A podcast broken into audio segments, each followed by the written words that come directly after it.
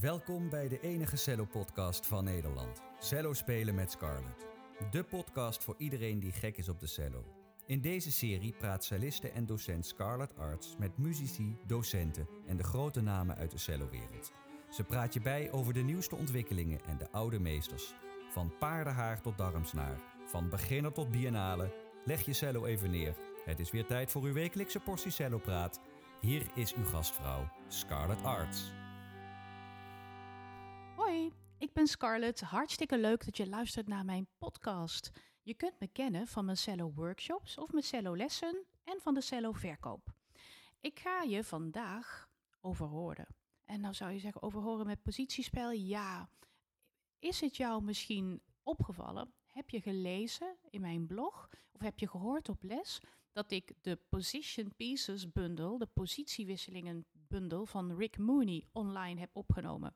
Ik heb daar videolessen van gemaakt die je aan kunt kopen, zodat je samen met mij heel die bundel door kunt nemen. Dat vond ik een heel erg goed idee. En waarom? Rick Mooney is een cello-docent die heel goed gestructureerde boeken schrijft.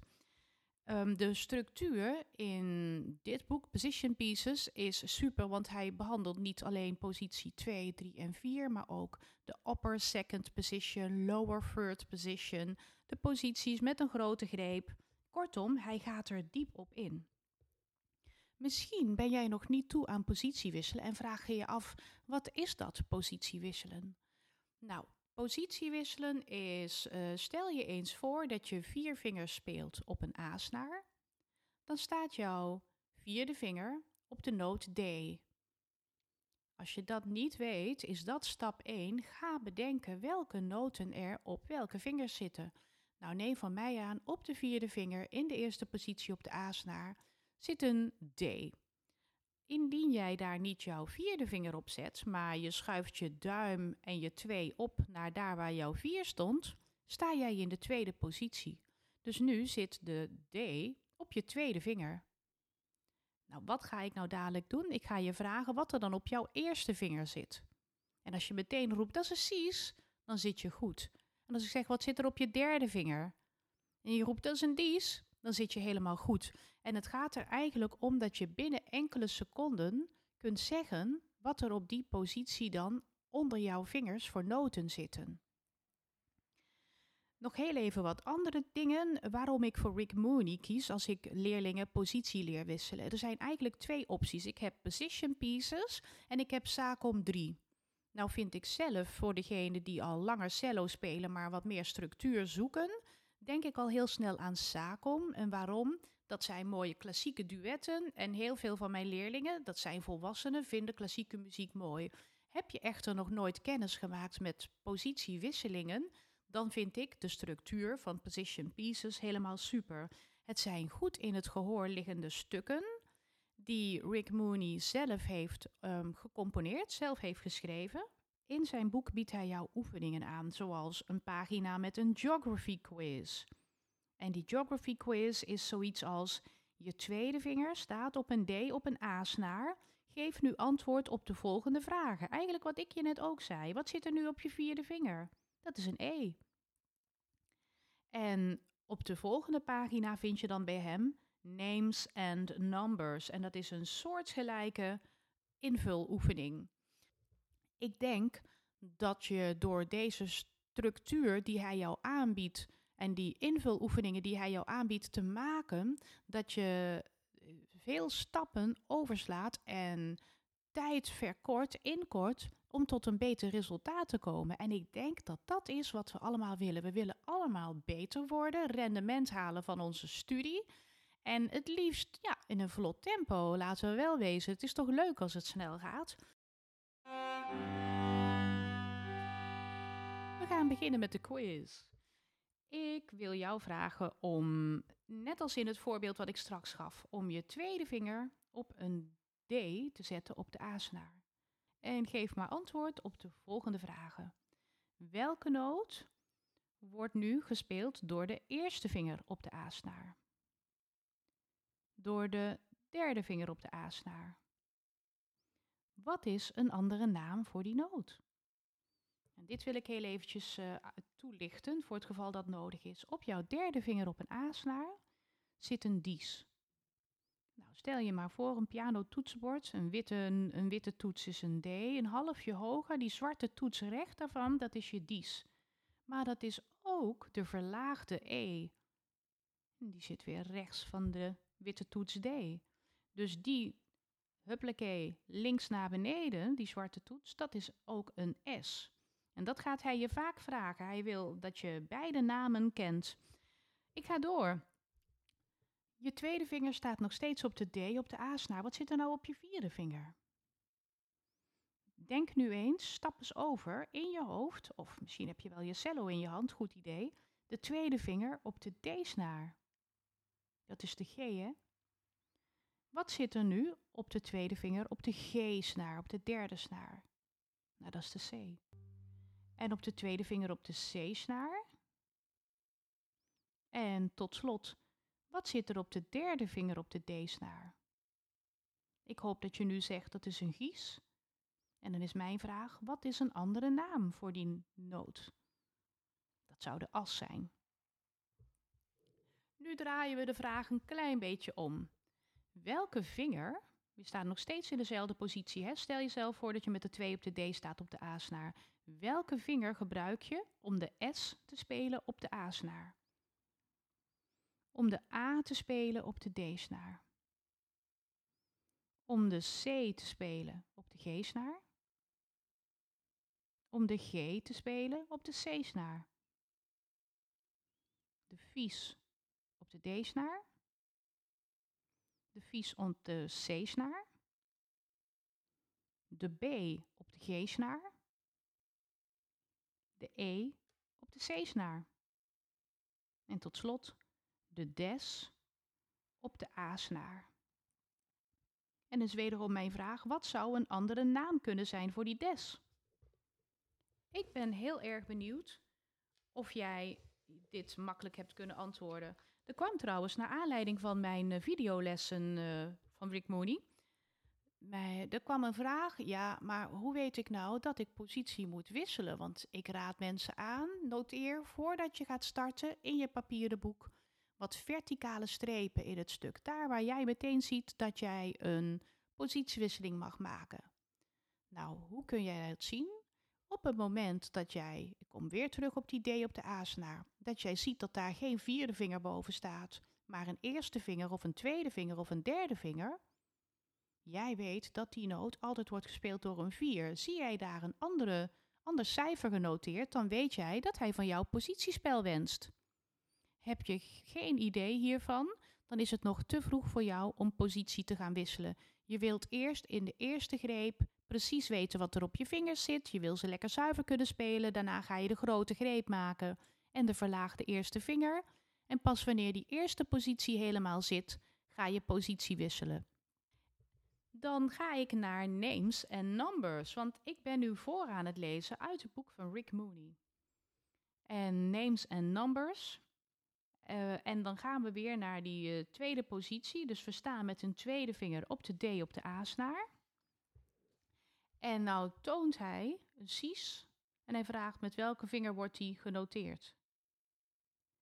Hij toont een E, met welke vinger wordt die gespeeld, niet genoteerd, gespeeld. Hij vraagt een S. Alles op de A-snaar. Een D op de A-snaar. Een dies. Een E. Een des. En een D. Nou, als jij dit boek hebt en je slaat het open op pagina 4, dan ga je ook zien dat eigenlijk dat hij jou ook geen notennamen geeft. Hij geeft je alleen maar noten en daarboven vul je de nootnaam in en daaronder vul je de vinger in waarmee die wordt gespeeld.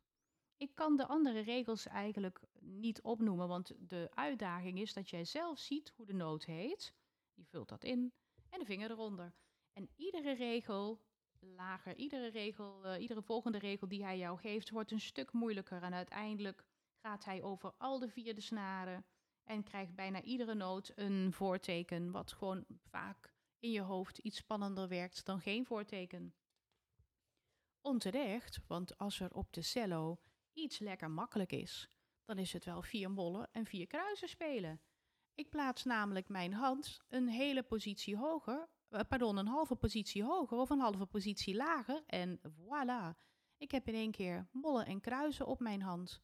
Zoveel makkelijker dan piano spelen.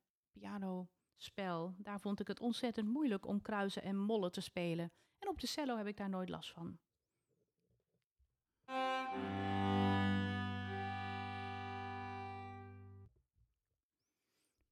Het volgende hoofdstuk, het volgende blokje.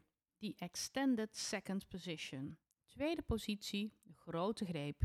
Ik ga je uitleggen hoe die eruit ziet. Stel je maar voor, je staat wederom met jouw tweede vinger op de D op de A-snaar. Nou staat jouw eerste vinger op een cies in een kleine greep. Wat hij nu graag van jou wil, is dat jij die eerste vinger iets uitschuift, een halve positie uitschuift, zodat hij van een cies naar een C gaat. Nou, hou die gedachte vast. Want zijn geography quiz is dan de volgende. Welke noot wordt gespeeld door de eerste vinger op de A-snaar? En dan zonder grote greep. Dat is een cies. Welke noot wordt gespeeld door een grote greep, eerste vinger op de A-snaar?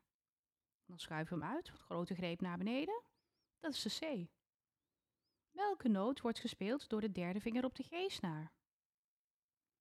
Welke noot wordt gespeeld door de grote greep eerste vinger op de D-snaar? Dat is een F, hè? Welke vinger, welke noot wordt gespeeld door de vierde vinger op de G-snaar? En welke noot wordt gespeeld door de grote greep eerste vinger, uitgestrekte eerste vinger op de G-snaar? Volgende rijtje. Welke vinger gebruik je om de gies te spelen op de D-snaar? Welke vinger gebruik je om de as te spelen op de D-snaar? Het zijn dezelfde noten, hè, de gies en de as. Een trucje, een strikvraag. Welke vinger gebruik je om de S te spelen op de C-snaar? Dat is een grote greep 1, hè? Welke vinger gebruik je om de D op de G-snaar te spelen? Welke vinger gebruik je om de F op de C-snaar te spelen? De B op de G-snaar en de D op de A-snaar. Ik ben benieuwd of jij daar in dit tempo achter kunt komen. En dan op de volgende pagina, pagina 14, biedt hij jou weer 1, 2, 3, 4, 5, 6 regels met invuloefeningen aan. Zowel voor hoe de noot heet als welke vinger die wordt gespeeld.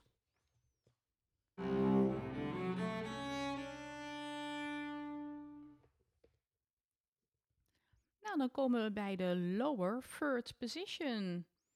Volgens het boek van Rick Mooney, de verlaagde derde positie. Nou, waar zit die verlaagde derde positie? Stel je voor, je staat met vier vingers in de eerste positie op de A-snaar. Dus je zit weer met die vierde vinger op die D.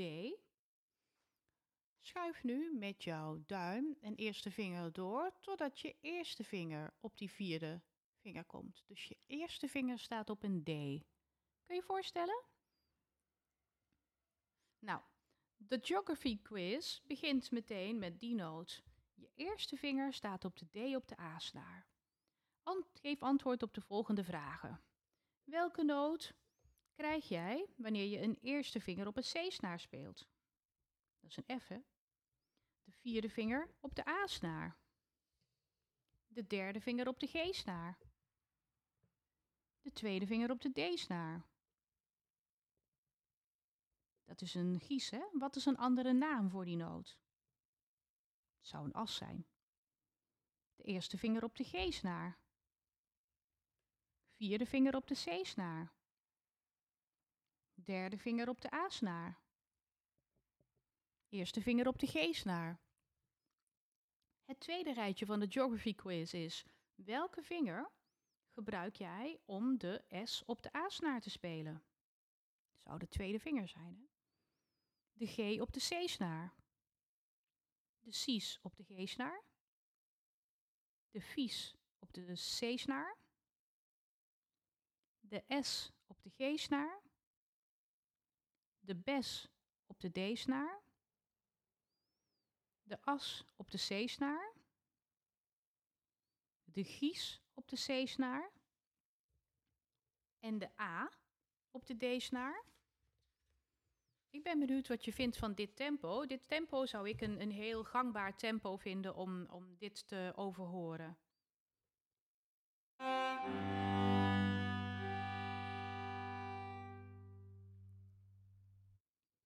En dan komt Rick Mooney aan in de vierde positie. En die vierde positie vind ik zelf een super fijne positie. Want je kunt hem zo goed voorbereiden. Wanneer jij vanuit een lagere positie naar je vierde positie gaat, dan bereikt jouw duim als eerste de hals. Heel vaak komt bij amateurs de duim na de hand. Dat wil je nooit hebben. Je duim is degene die positie gaat wisselen. Je duim is de navigator. Dus die gaat naar de ronding van jouw hals. En als jij nog niet bekend bent met de vierde positie, kijk dan even met je docent. Want die ronding in de hals is bij heel veel cello's net een ietsje pietje anders. Bij de ene cello bereik je, zit je net in die, uh, bij het begin van je ronding. Bij de andere cello zit je helemaal in het hart van de ronding. En bij de andere schuif je nog een heel klein beetje door. De eerste vinger staat op de G op de C-snaar. Geef antwoord op de volgende vragen. Welke noot wordt gespeeld door de vierde vinger op de A-snaar? Welke noot wordt gespeeld door de tweede vinger op de D-snaar? Welke vinger wordt gespeeld door de derde noot, derde vinger op de G-snaar? Door de eerste vinger op de A-snaar? De derde vinger op de C-snaar? De eerste vinger op de D-snaar? De tweede vinger op de C-snaar? Dat is een as. Een, uh, wat is een andere naam voor die noot? Misschien zei jij wel gies. Dat is dus correct. Een andere naam zou dan de as zijn. De as of de gies. En welke noot wordt gespeeld door de vierde vinger op de D-snaar? Ik hoop dat je hier zomaar uitkwam en dat je dat zomaar op kunt roepen. Dan draait hij de rollen om uh, en dan zegt hij: welke vinger gebruik jij om de vies op de A-snaar te spelen? Dat zou een derde vinger zijn, hè? De dies op de G-snaar. Tweede vinger.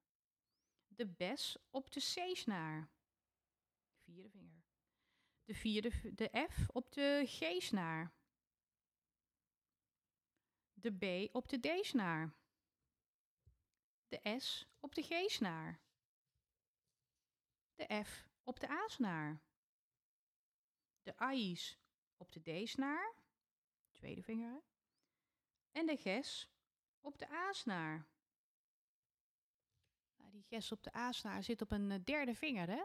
En wat is de andere naam voor die noot? De vies. Iemand die van mij les heeft gehad, en waarschijnlijk jouw docent ook, die zal je ook altijd vertellen dat de mollen ietsje pietje lager worden aangespeeld op de cello dan de kruisen.